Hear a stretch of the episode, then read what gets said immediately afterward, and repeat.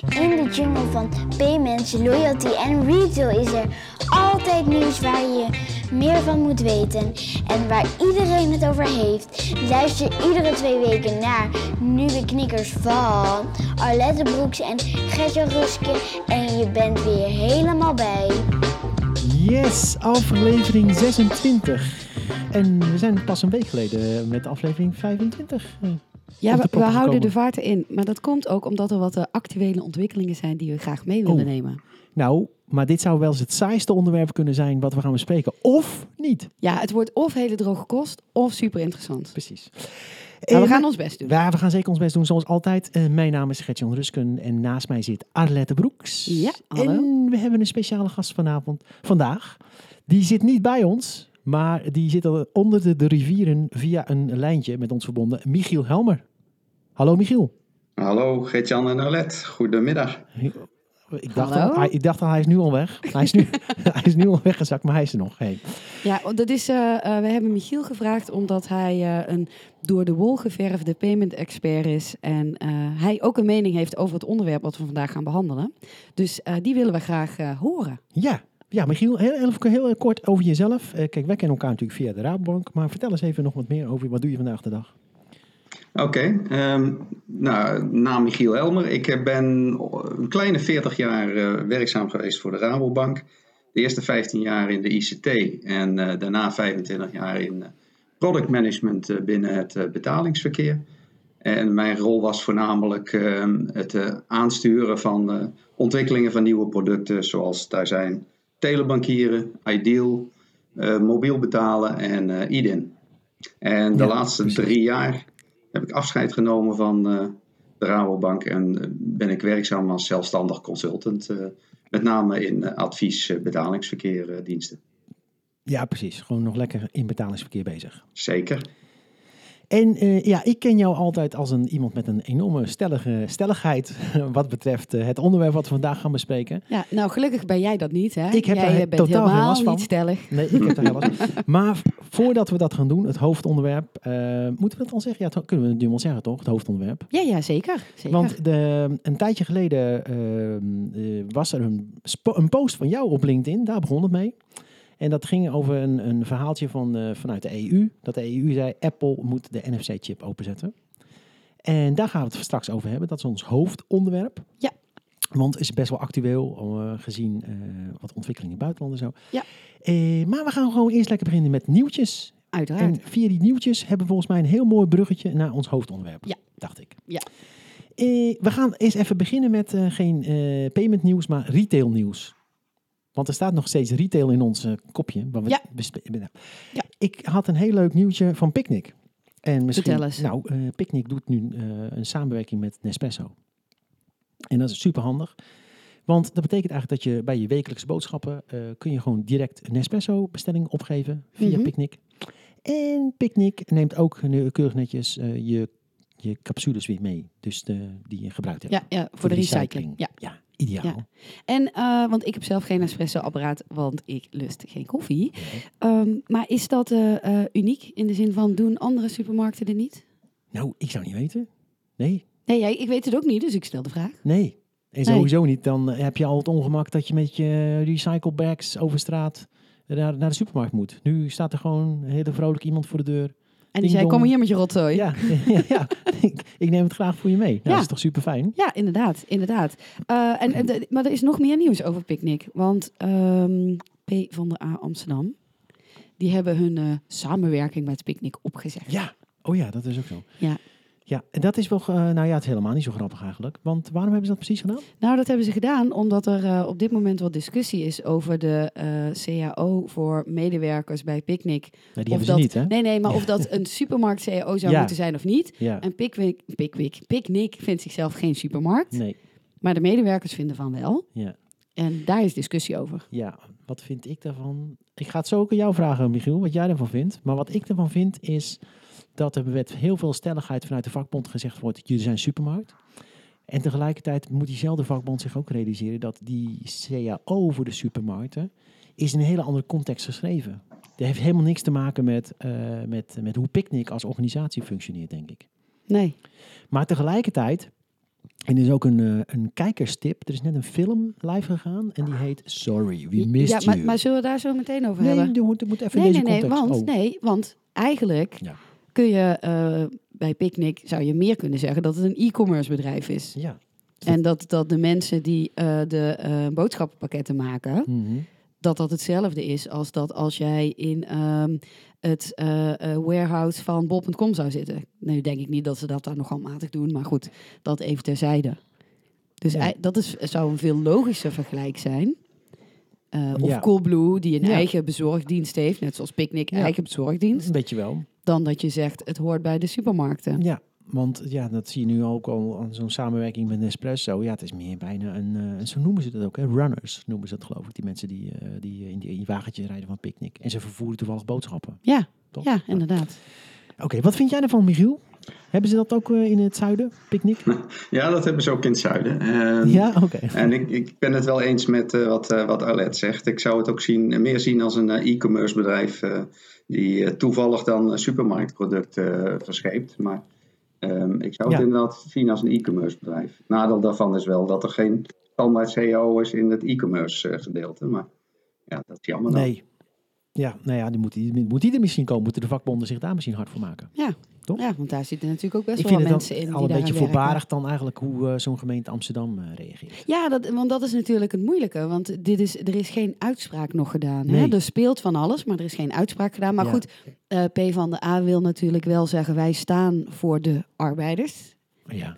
En ja, dat zo Doen ze dat steeds? Ze Nou dat ja, nog steeds? dat, dat was in ieder geval wat er aangehaald werd. Van dat ze zeiden, ja, maar wij vinden het belangrijk... om op te komen voor de arbeiders. Ik- Wat vind jij ervan als socialist, eh, Michiel? Nou, lijkt Er me, worden lekker stickertjes geplakt hier. Lijkt me een verkeerde benaming, maar ehm, ik, zat, ik zat me tegelijkertijd af te vragen, hoe zit dat nou met bol.com? Eh, die zijn onderdeel van de Ahold groep. Hebben die nou ook een supermarkt CEO? Ja, dat is een goede vraag. Dat denk, dat denk ik niet. Maar, Dat denk ik Nee, ook dat niet. denk ik ook Nee, niet. nee, Nee, nee. nee. Nee, nou ja, goed. Anyway, we hopen nog een keer met Picnic eh, hier aan tafel te zitten. Dus eh Ja. dan kunnen we het een keer... Inderdaad, we zetten hem eh, op een lijstje. Ja. Wat hebben we nog meer voor nieuws? Nou, want jij wilde net al heel snel doorgaan eh, met jouw eh, tip Ja. Van een eh, hele interessante film. Ja. En daar kun je nu misschien even iets meer over Oh. vertellen. Nou ja, in het licht hiervan, kijk, ehm, er is net een film eh, gelanceerd. Het draait net in de bioscoop en die heet Sorry We Missed You. Ik dacht echt, dat is een, een documentaire, maar dat is het niet. Het is een film. En het gaat over, eh, het speelt zich af in Engeland. En het gaat over iemand die op zo'n busje rijdt en die heeft zich laten verleiden om bezorger te worden.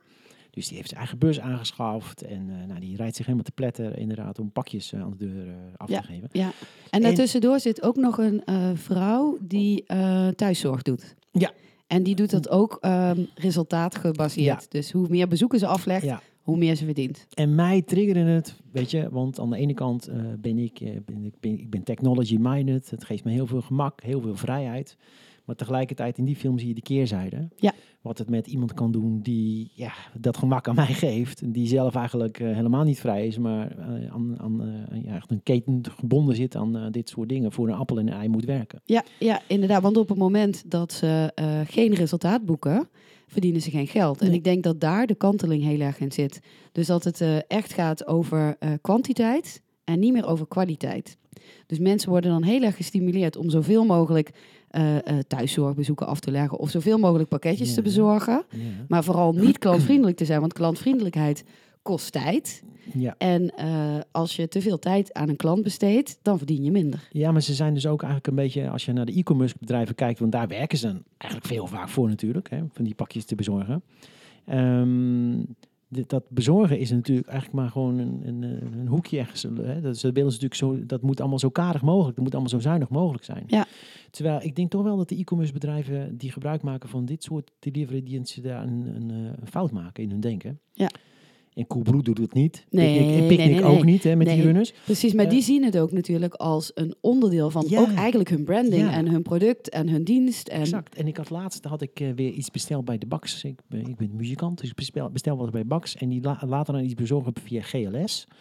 Nou, het was gewoon echt een rukervaring, weet je wel. Ik- Ik Mhm. kreeg geen berichten. Eh, ik bel met Bax, waar is dat pakje? Ja, dat is nog niet weg. En vervolgens eh, ga ik toch maar even kijken bij de, de sigarenboer waar ik het laat bezorgen. En daar staat het gewoon. Ja, En die mensen daar kunnen vervolgens niks in een iPad. Dat is natuurlijk gewoon, en in dit geval ging het om een basgitaar die ik had gekocht. nou, dat is nogal dat, een Dat dingetje. is nogal een dingetje, toch? Denk, ik, ik heb veel geld betaald en dan heb je zo'n eh, ervaring. Ja. Dat is, Ja, maar de, want daarbij, eh, als je bijvoorbeeld kijkt naar ehm, de bezorgers van, eh, laten we zeggen, Uber Eats, Deliveroo, al dat soort hè, bezorgers op fietsen. Mhm. Ik woon in Amsterdam en eh, ik ben nu zelfs op een punt dat ik denk, ja, heel eerlijk, eigenlijk moet ik gewoon niet meer daarbij bestellen. Nee. Omdat die fietsers, en die doen dat met de beste intenties, die willen zo snel mogelijk bij jou zijn. Onderweg fietsen ze vier kinderen omver. Ja, ja, ja. Eh, omdat ze niet opletten en ze hebben zo'n elektrische fiets, dus ze gaan ook nog veel harder. Ja. Maar dat komt wel door de manier waarop ze beloond worden. Ja. Dus daar moeten we toch in 2020, denk ik, met z'n allen Zeker, wat eh, verantwoordelijker mee omgaan. precies. En in Amerika Ja. is daar al een beetje een ontwikkeling als we even kijken naar Uber. Mhm. Want Uber heeft namelijk een forse boete gekregen van 649 miljoen dollar. Omdat de overheid vindt dat de Uber-drivers toch eigenlijk wel medewerkers zijn en niet allemaal ZZP'ers. Ja, nou ja, dat is dus echt een ontwikkeling ook. Dus, hè. Ja, precies. Maar ik denk ook dat dit een ontwikkeling is die eerst dus heel interessant leek. Eh, hè, mensen meer vrijheid geven. Mensen willen ook vrijheid hebben, dus zijn zelf ondernemend. En vervolgens ehm, wordt dat zo groot dat ook de negatieve kant heel duidelijk wordt. Ja. En dan moet er weer een balans gezocht worden. Ja, daarom. En dat is de wetgeving die natuurlijk altijd achterloopt op de realiteit. Ja, ja, dus in 2020 verwacht ik wel dat er ook wel eh, wat wetgeving komt om balans te bereiken. We Ja. hoeven niet helemaal terug naar de oude situatie, maar wat meer balans zou wel goed Het zou zijn. mooi zijn. Als dat beneden de rivier eh, ook zo is, eh. Je mag gewoon ook interrumperen, hè. Ik hoor, hoor het graag natuurlijk. Maar ik neem aan dat ze bij jullie ook thuisbezorgdiensten hebben. Jazeker, eh, we zijn geen onderontwikkeld gebied, eh Gert-Jan. Maar het is wel een goede vraag. Nee, natuurlijk niet. Ik maak maar een geintje. Maar eh, jij bent natuurlijk een van de founding fathers van Ideal. Hè? Dus jij hebt mede aan de wieg gestaan natuurlijk van de ontwikkeling van e-commerce in Nederland. Dus wat, wat, wat vind jij er nou eigenlijk van als je naar, naar dit soort ontwikkelingen kijkt binnen e-commerce? En wat het doet met bijvoorbeeld die mensen die, die voor een appel en ei die pakjes bij jou thuis bezorgen. Ja, dat is heel lastig. Heeft op, op zich denk ik niet zo heel veel met eh, e-commerce en, en betalingsverkeer te maken. Ehm, ik, denk inderdaad, ik, ik denk inderdaad dat de, mensen ehm, eh, geen, eigenlijk geen ZZP'er eh, zijn in die zin. En gewoon in vast dienstverband zouden moeten worden aangenomen. Coolblue doet dat, dat, dat, doet dat prima. Heeft prima personeel en die zijn gewoon in vaste dienst bij, bij Coolblue. Ja, ja, ja. Ja. En, en da- dan Ja, zie je ook een, een, een hele goede service, eh, moet ik, eh, moet ik eh, zeggen. Ja. Zeker. Hey, eh, ik denk dat we even één onderwerpje nog moeten pakken, want dat is een mooi bruggetje naar eh, het hoofdonderwerp. En dat is namelijk het nieuws van gisteren van ABN AMRO. Ja, Dat was Ja. gisteren toch? Ja. verrassend. Dat ze zouden gaan... Ja, verrassend. Nou, ik vond het eigenlijk helemaal niet zo verrassend. eh, eh, eh, in, in, nou, en zeker niet in het licht van wat ik van de week hoorde. Eh, het nieuws is namelijk dat ABN AMRO gaat stoppen met hun ehm, Android eh, wallet. Ja. Ehm, En dat betekent dus met die Android wallet, die kon je gebruiken om mobiel betalen aan de kassa met een Android toestel te doen. Exact. Er was een apart appje wat je nog moest downloaden bij ABN AMRO. En, en eigenlijk zegt ABN AMRO, ja, het werd zo weinig gebruikt, dus eh, we stoppen ermee. En ik denk ook wel, als je dat afzet eh, tegen eh, de ontwikkelingen rond eh, van Apple Pay. En het andere berichtje wat ik van de week hoorde, dat er eh, vanuit de betaalvereniging, dat er 400 miljoen pintransacties geweest zijn in oktober. Eh 300 miljoen daarvan waren contactloos. En 15 miljoen waren met, met, met, met de mobiel. En dat was eigenlijk een significante stijging ten opzichte van de periode daarvoor. En mede veroorzaakt natuurlijk door Apple Pay. Ja. En dat was eigenlijk nog alleen maar met een klein beetje ABN AMRO transacties en de meeste ING. Want ABN AMRO en Rabo waren Zijn natuurlijk later er gekomen. later gekomen. Dus Rabo zat er nog niet eens bij. Dus in november ben ik heel benieuwd wat dat gaat zijn. Want dan kun je ongeveer schatten wat het geweest moet zijn met Android. Maar het, Eh, het verhaal van ja. ABN AMRO vond ik des te eh, verrassender. Omdat op, Waarom? op één en dezelfde dag zag ik in e-mails een artikel ehm, onder de titel Waarom mobiel betalen onderdeel moet zijn van jouw betaalstrategie. En daarin wordt Mhm. gesteld dat eh, 92% van de Europese millennials in eh, 2020 gebruik wil gaan maken van mobiel betalen.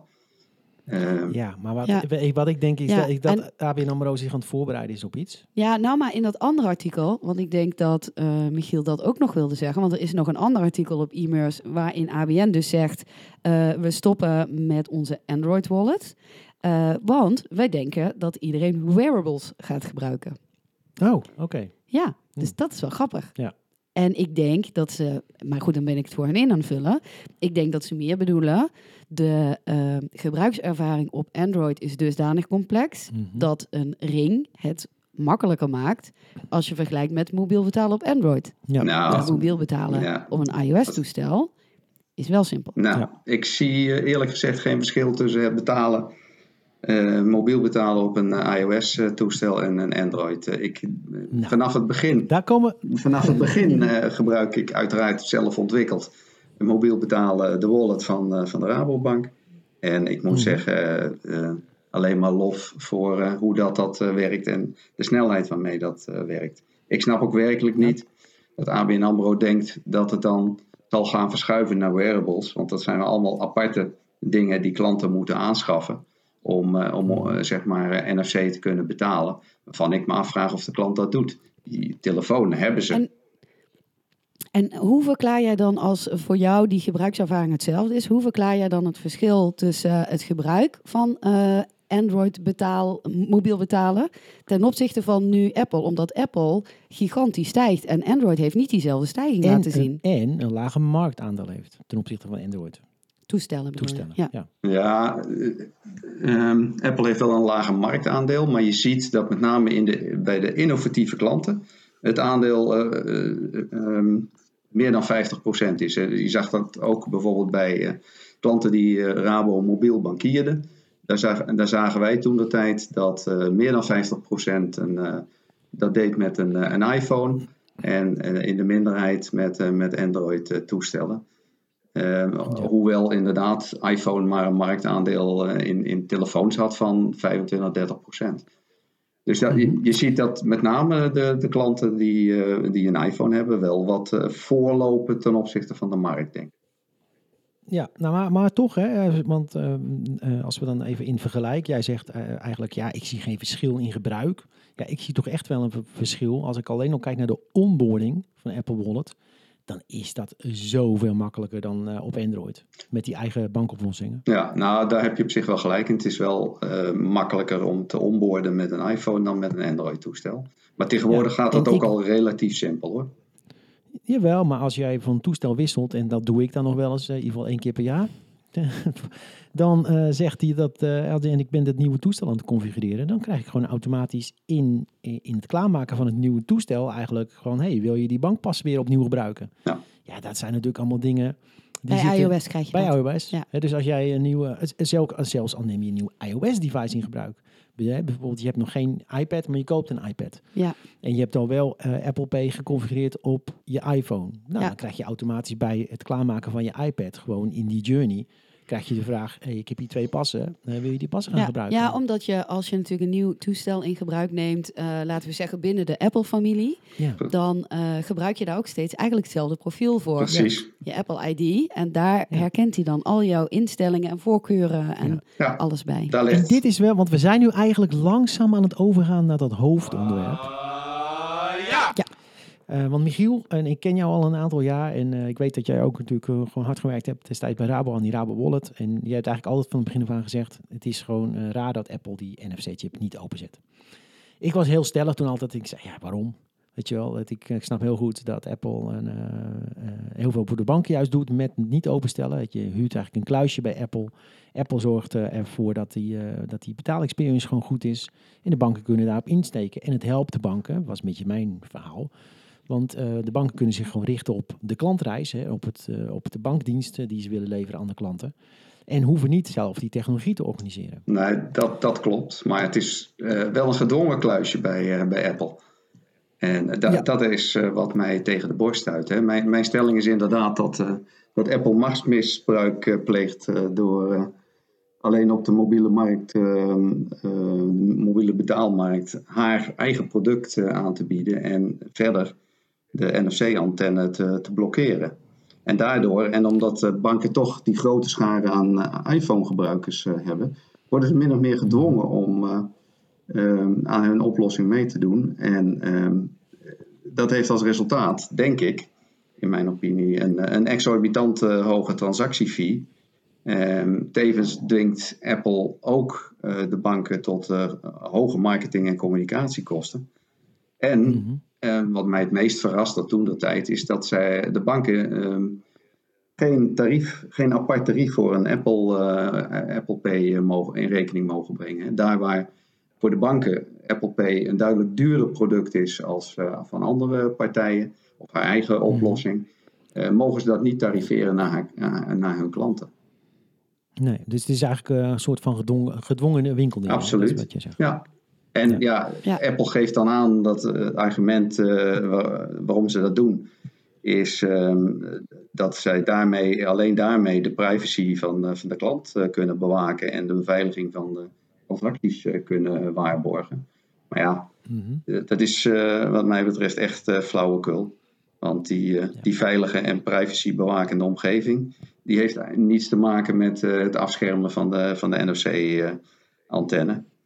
Uh, andere oplossingen nou buiten Pay eh, hebben net zozeer een, eh, een privacybewakende en, en veilige oplossing. Ja, nou moet ik zeggen, de stelligheid die ik toen had, heb ik nu wat minder hoor. Ik wilde het woord agnostisch maar even gebruiken. Het is eigenlijk een, een term die uh, meer in, in, in, de context van geloof gebruikt wordt. Maar goed, dit heeft ook een. Uh, dit is ook, uh, Apple, als je het over Apple hebben, is bijna religie. religie mm. Zeker voor sommige mensen, ja. hè, Gertjan? Nee, maar ik ben wat dat betreft ook wel wat meer wat genuanceerder daarin. dus ik ben nou juist ook heel benieuwd hoe jij er tegenaan kijkt.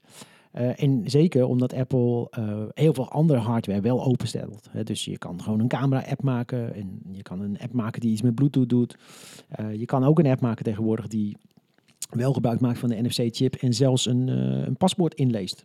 Dus ja, waarom kan je geen app maken die iets met betalen doet? Ja, ja en, en nu inmiddels, want de laatste keer dat wij het erover hadden, toen uh, gingen eh, de mensen in Brussel zich uh, hierover buigen. Mhm. En inmiddels is er in Duitsland een uitspraak gedaan, want er is een nieuwe wet aangenomen mhm. door de Deutsche Bundestag. En die zeggen dat uh, infrastructuuraanbieders, ik ben het even aan het vertellen, dus op het moment als het een beetje krom klinkt, dan komt het omdat ik uh, onder Maar jij komt ook uit het zuiden, net als Michiel, dus jij spreekt toch een redelijk uh, woordje over de grens. Ja, maar laten we het voor onze luisteraars gewoon in Nederlands houden. maar dus infrastructuuraanbieders, die moeten de mogelijkheid geven om andere partijen die paymentdiensten, betaaldiensten aanbieden, die, die moeten toegang krijgen tot die infrastructuur. Ja. Dat kwam er niet heel soepel uit, maar goed. Je mhm. snapt wat ik bedoel. Ik snap wat je bedoelt. Um, dus het gaat niet per se alleen maar over uh, Apple. Mm -hmm. Want je zou je ook kunnen afvragen of dit misschien ook iets gaat betekenen voor Visa en Mastercard. Want die hebben namelijk uh, bepaalde technologie op die terminals zitten. Dus zou een interessante vraag kunnen zijn of zij dan ook dingen moeten gaan openstellen. En uh, dit is nu op dit moment alleen maar een wet in Duitsland. Maar de wet is gebaseerd op de uh, European Directive. Dus dat betekent dat ook andere EU-staten uh, een vergelijkbare wet zouden kunnen gaan introduceren. Dat is interessant. Maar stel nou, hè, dus uh, Apple voelde zich over het aangesproken, want ik las een ander verhaal, kwam ook een reactie zelfs van Apple op terug. Um, uh, stel nou, um, dit, nou dit, is al, dit is al door het parlement heen, dus dit, ja. dit, dit, dit, moet gewoon gebeuren. Ja. Maar Apple geeft hier geen gehoor aan, Michiel. Wat denk jij dat, dat, uh, dat er dan gaat gebeuren? Wat zou er moeten gebeuren volgens jou? Als Apple hier geen gehoor aan geeft. Ja, dat, gaan dat... alle mensen van de banken gaan protesteren op het Malieveld.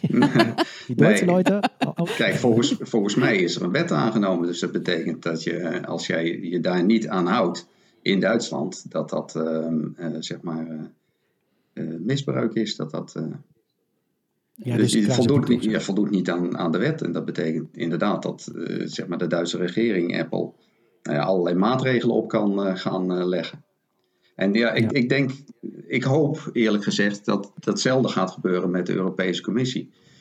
die, die, over het algemeen heeft het in het Europese eh, heel wat meer tijd nodig om tot, een, tot een uitspraak te komen. Um, en er zijn allerlei, vaak mitsen en maren. Maar ik hoop eerlijk gezegd dat de Europese Commissie tot, tot exact dezelfde conclusie komt. En uh, niet alleen voor Apple uh, inderdaad, maar ook gewoon voor alle partijen die uh, op een of andere manier misbruik maken van een soort monopoliepositie, dat zij daar eh, Maar- de zaak laten openstellen. Maar over dat openstellen gesproken, hè? want ehm, nou, stel Apple gaat dat dan doen. Is het dan al niet te laat? Want stel je voor, het gaat morgen open in Nederland. En eh in de Rabo, ABN AMRO, ING, Bunk kunnen het ook in hun eigen app stoppen. Eh, ja, hoe stel je dat voor? Want als dat gaat gebeuren, dat betekent dat die banken dan weer opnieuw gaan aan mij gaan vragen: wil jij eh, je bankpas in NFC-chip? Dan denk ik, ja, dat heb ik toch al geregeld via Apple Pay. Die Rabopas zit er al in. Nou ja, Waarom zou ik dat doen? de- de- op, op dat moment kunnen banken overwegen of ehm, verder te gaan met Apple Pay. Ehm, wellicht eh, als eh, Apple Pay of Apple eh, de concurrentie gaat ondervinden, gaan de, wellicht de tarieven voor de bank omlaag. Dus dat zou een, Mhm. een mogelijkheid kunnen zijn. En zo niet, dan kan een bank altijd besluiten als ze de tarieven te hoog vindt. En in, in mijn opinie kan op dit moment met de tarieven die Apple rekent, geen kostendekkend eh, mobiel betaalproduct in de markt worden gezet. Dus banken leiden verlies op die producten. Eh, Ja, in Nederland, hè? in Dus- Nederland. Dus ja. het, is zo, het is sowieso goed hiermee dat in ieder geval banken een alternatief krijgen. Precies. Even los van of ze er misschien wel of niet iets mee gaan doen. Ja, precies. Maar je hebt in ieder geval mooie Ja, mogelijkheden. maar wat ik eh, daar dan even als gebruiker tegenover wil stellen. Kijk, ik heb nu die Apple Wallet en daar zit eh, mijn Rabopas in en er zitten mijn bankpassen in. En ik kan er misschien straks andere creditcard nog in stoppen als ik dat zou willen. Ehm, banken moeten dan misschien ook wel open. Ja, Dus waarom kan, eh, bedoel, bedoel ehm, eh, laten we de analogie maar even naar de PSD2 maken. Ik kan straks mijn saldo van eh, de Rabo kan ik eh, in de ING-app stoppen en omgedraaid. Ja. Eh, dus waarom kan ik dan niet mijn Rabo-pasje in de ING-wallet stoppen? Ja, lijkt mij een hele logische stap. mij ook. Wat vind jij ervan? Ja, nou, we zijn ehm, een drietal jaren hebben we die discussie al eh, aangezwengeld. Dat was toen eigenlijk nog te vroeg, hè, de discussie over of, of we niet een ING-pas in een Rabo Wallet en andersom zouden kunnen opnemen. Eh, dat was toen nog te vroeg. Maar ik denk, eh, gegeven wat er nu eh, aan de hand is, dat, dat die discussie opnieuw, ook zeker door de PSD2-discussies, dat die weer opnieuw gevoerd zou moeten en kunnen worden. En ehm, ja, ook in het kader van, van concurreren met een, een Apple Wallet, zou je inderdaad een bankenwallet ook multibank kunnen maken. En ehm, nog een, eh, een- een vraag van mijn kant over ehm, eh, de Rabo Wallet. Want eh, die is op dit moment uit de App Store gehaald. Eh, Ja, wij zijn natuurlijk best wel benieuwd van... Goh, hè, wat is daar de achtergrond van? En ehm, heb, heb jij daar ideeën bij? Mm, Nee, is- ik ben me niet bewust dat de Rabo Wallet uit de App Store is gehaald. Ik gebruik hem in ieder geval Dat is nog. zo. Oké, ja. dat Ja, Ja, maar je, is kan het- hem, je kan hem nog gebruiken, maar je hebt alleen, eh, er is een, eh, een, vorige week of twee weken geleden is er een eh, één update geweest en dat is ook gelijk de laatste Ja. update die je voorlopig Ja, krijgt. dat was de laatste update. Dus geniet ervan. Ja. Oké, nou ik geniet maar er je kan zeker hem nu van. op dit moment niet downloaden. Maar, jij, nou, maar ho, jij, nee, maar jij, wacht even, Michiel, jij zit op Android natuurlijk. Ja, Nee, dan heb je geluk. Dan gaat hij gewoon door. Nee, hij is eigenlijk nadat eh, Rabo live gegaan is met Apple Pay, is de Rabo Wallet uit, er was ook een Rabo Wallet voor de App Store, Oh, voor iOS. ja, En die is uit de App Store gehaald. oké. Helder. Ja, Dus nee, ma maak je geen ergens. Ik zag je al, eh, ik zag je al eh, wit wegtrekken, maar dat, op afstand. Nee, maar je kan gewoon dat lekker blijven gebruiken. Maar wat, wat vind je ervan? Want, want ik, ik denk zelf dat er een relatie is tussen de aankondiging van Apple Pay en het verdwijnen van, van, van eh, die wallet uit de App Store. Ja, dat, dat denk ik ook. Ik denk dat. Eh, kijk, in, in de apps, eh, de Rabo wallet op, op iPhone is natuurlijk een heel beperkt eh, wallet. En ehm, is er gekomen omdat eh, Apple Pay toen nog niet eh, in vragen was bij, eh, bij de Rabobank. En Mhm. Ik weet niet wat er in de tussentijd gebeurd is, of Apple haar tarieven ehm, sterk verlaagd heeft eh, voor, de, voor de bank. Maar inderdaad hebben ze op dit moment Apple Pay. En dan zou het ehm, nu ehm, vreemd zijn als ze met de beperkte wallet van de, van de Rabobank zelf door zouden gaan. Nou ja, nou, maar eigenlijk die, die wallet ehm, die er was, die ging veel meer over de zogenoemde value-added services. Ja, En dus er zat te parkeren in, een tank in, een klantenkaarten. En je ziet juist in andere landen, bijvoorbeeld in België, dat KBC daar ook nu allerlei eh, nieuwe diensten introduceert, die value-added services, Ja. om eh, meer klantbeleving te bieden aan klanten, in plaats van alleen maar payments te Ja, doen. dat is eh, als ik dan de Apple Wallet vergelijk met de Rabo Wallet. Kijk, ik vond het Rabo Wallet helemaal geen wallet. In de zin van, ja, ik kon er niet eens een pasje in stoppen. Ik bedoel, ik kan niet met NFC betalen. Kon- Nee, het was eigenlijk meer gewoon een hele handige app het met was een handige hele handige diensten. app met handige diensten. Dus eh, je kon ermee parkeren, je kon ermee tanken. En daar hadden ze recent ook een hele leuke update van gemaakt. eh, de- zodat het tankbedrag direct van je bankrekening afgaat. Ja, dat is iets heel anders. Dat zijn inderdaad de toegevoegde waardediensten waar volgens mij juist banken naar op zoek waren. En dan is het toch raar dat je zo'n propositie in één keer uit de markt haalt omdat je Apple Pay doet. Ja, dat, dat, dat is iets heel anders. Dat is gewoon contactloos betalen met je mobiele telefoon of met je, met je Apple Watch. Maar goed, misschien moeten we dat de, eh, iemand van de Rabobank vragen. Ja, inderdaad. We gaan gewoon daar nog eventjes eh, verder op eh, onderzoek uit. De nieuwe knikkers duiken daarin. ja, precies. Oké. Zijn we hiermee aan het einde gekomen van, of hebben we nog meer te bespreken? Eh, nou, wat, wat ik denk dat nog wel een eh, goede afsluiter is, is dat wat je nu ziet gebeuren met Apple, en eh, Michiel zei het eerder ook zelf al kort, Ja. Ehm, eigenlijk gaat dit veel meer over ehm, grote techpartijen die hun monopolie gebruiken. ja. En eh, heel lang geleden is Microsoft alles een keertje op de vingers getikt, want die waren dat ook te veel aan het doen. Met Internet Explorer was dat. Precies, precies. Dus die zat dan al overal op en dan eh, gingen mensen ook Internet Explorer gebruiken en alles van Microsoft en ze kwamen nooit meer van Microsoft af. En Mhm. dus toen ehm, vond, vonden overheden vonden daar iets van. Ja. En eh, ik denk dat je nu eh, dezelfde ontwikkeling ziet rondom andere partijen. En de banken hebben dit eigenlijk al gehad met PSD2. Want eerder waren de banken natuurlijk de enige partijen die echt toegang hadden tot die bankrekening. En als andere partijen iets wilden doen, moesten het maar met een incasso. En eh, nu geldt dat ook voor die big techs. Dus ik verwacht dat daar de komende tijd nog veel meer op komt. Ja. Dat het is of dingen moeten open, of bedrijven moeten opgesplitst worden. Ja. Omdat er anders te veel onder één paraplu plaatsvindt, waardoor het te moeilijk is voor anderen om eh, daar ook positie in te krijgen. Ja. Eh, gezien de tijd hou ik dit even kort, want ik heb daar nog wel een paar artikels over gevonden. En eh, die gaan we lekker in de show notes zetten. Dus daar kunnen mensen dan nog even wat verder over eh, doorlezen. Ja, goed idee. Ik daar nog even op in mag haken wat, eh, wat betreft eh, de big techs. en eh, ik hoor Alet zet- zeggen, wellicht moet eh, opgesplitst worden of, of moet het meer open.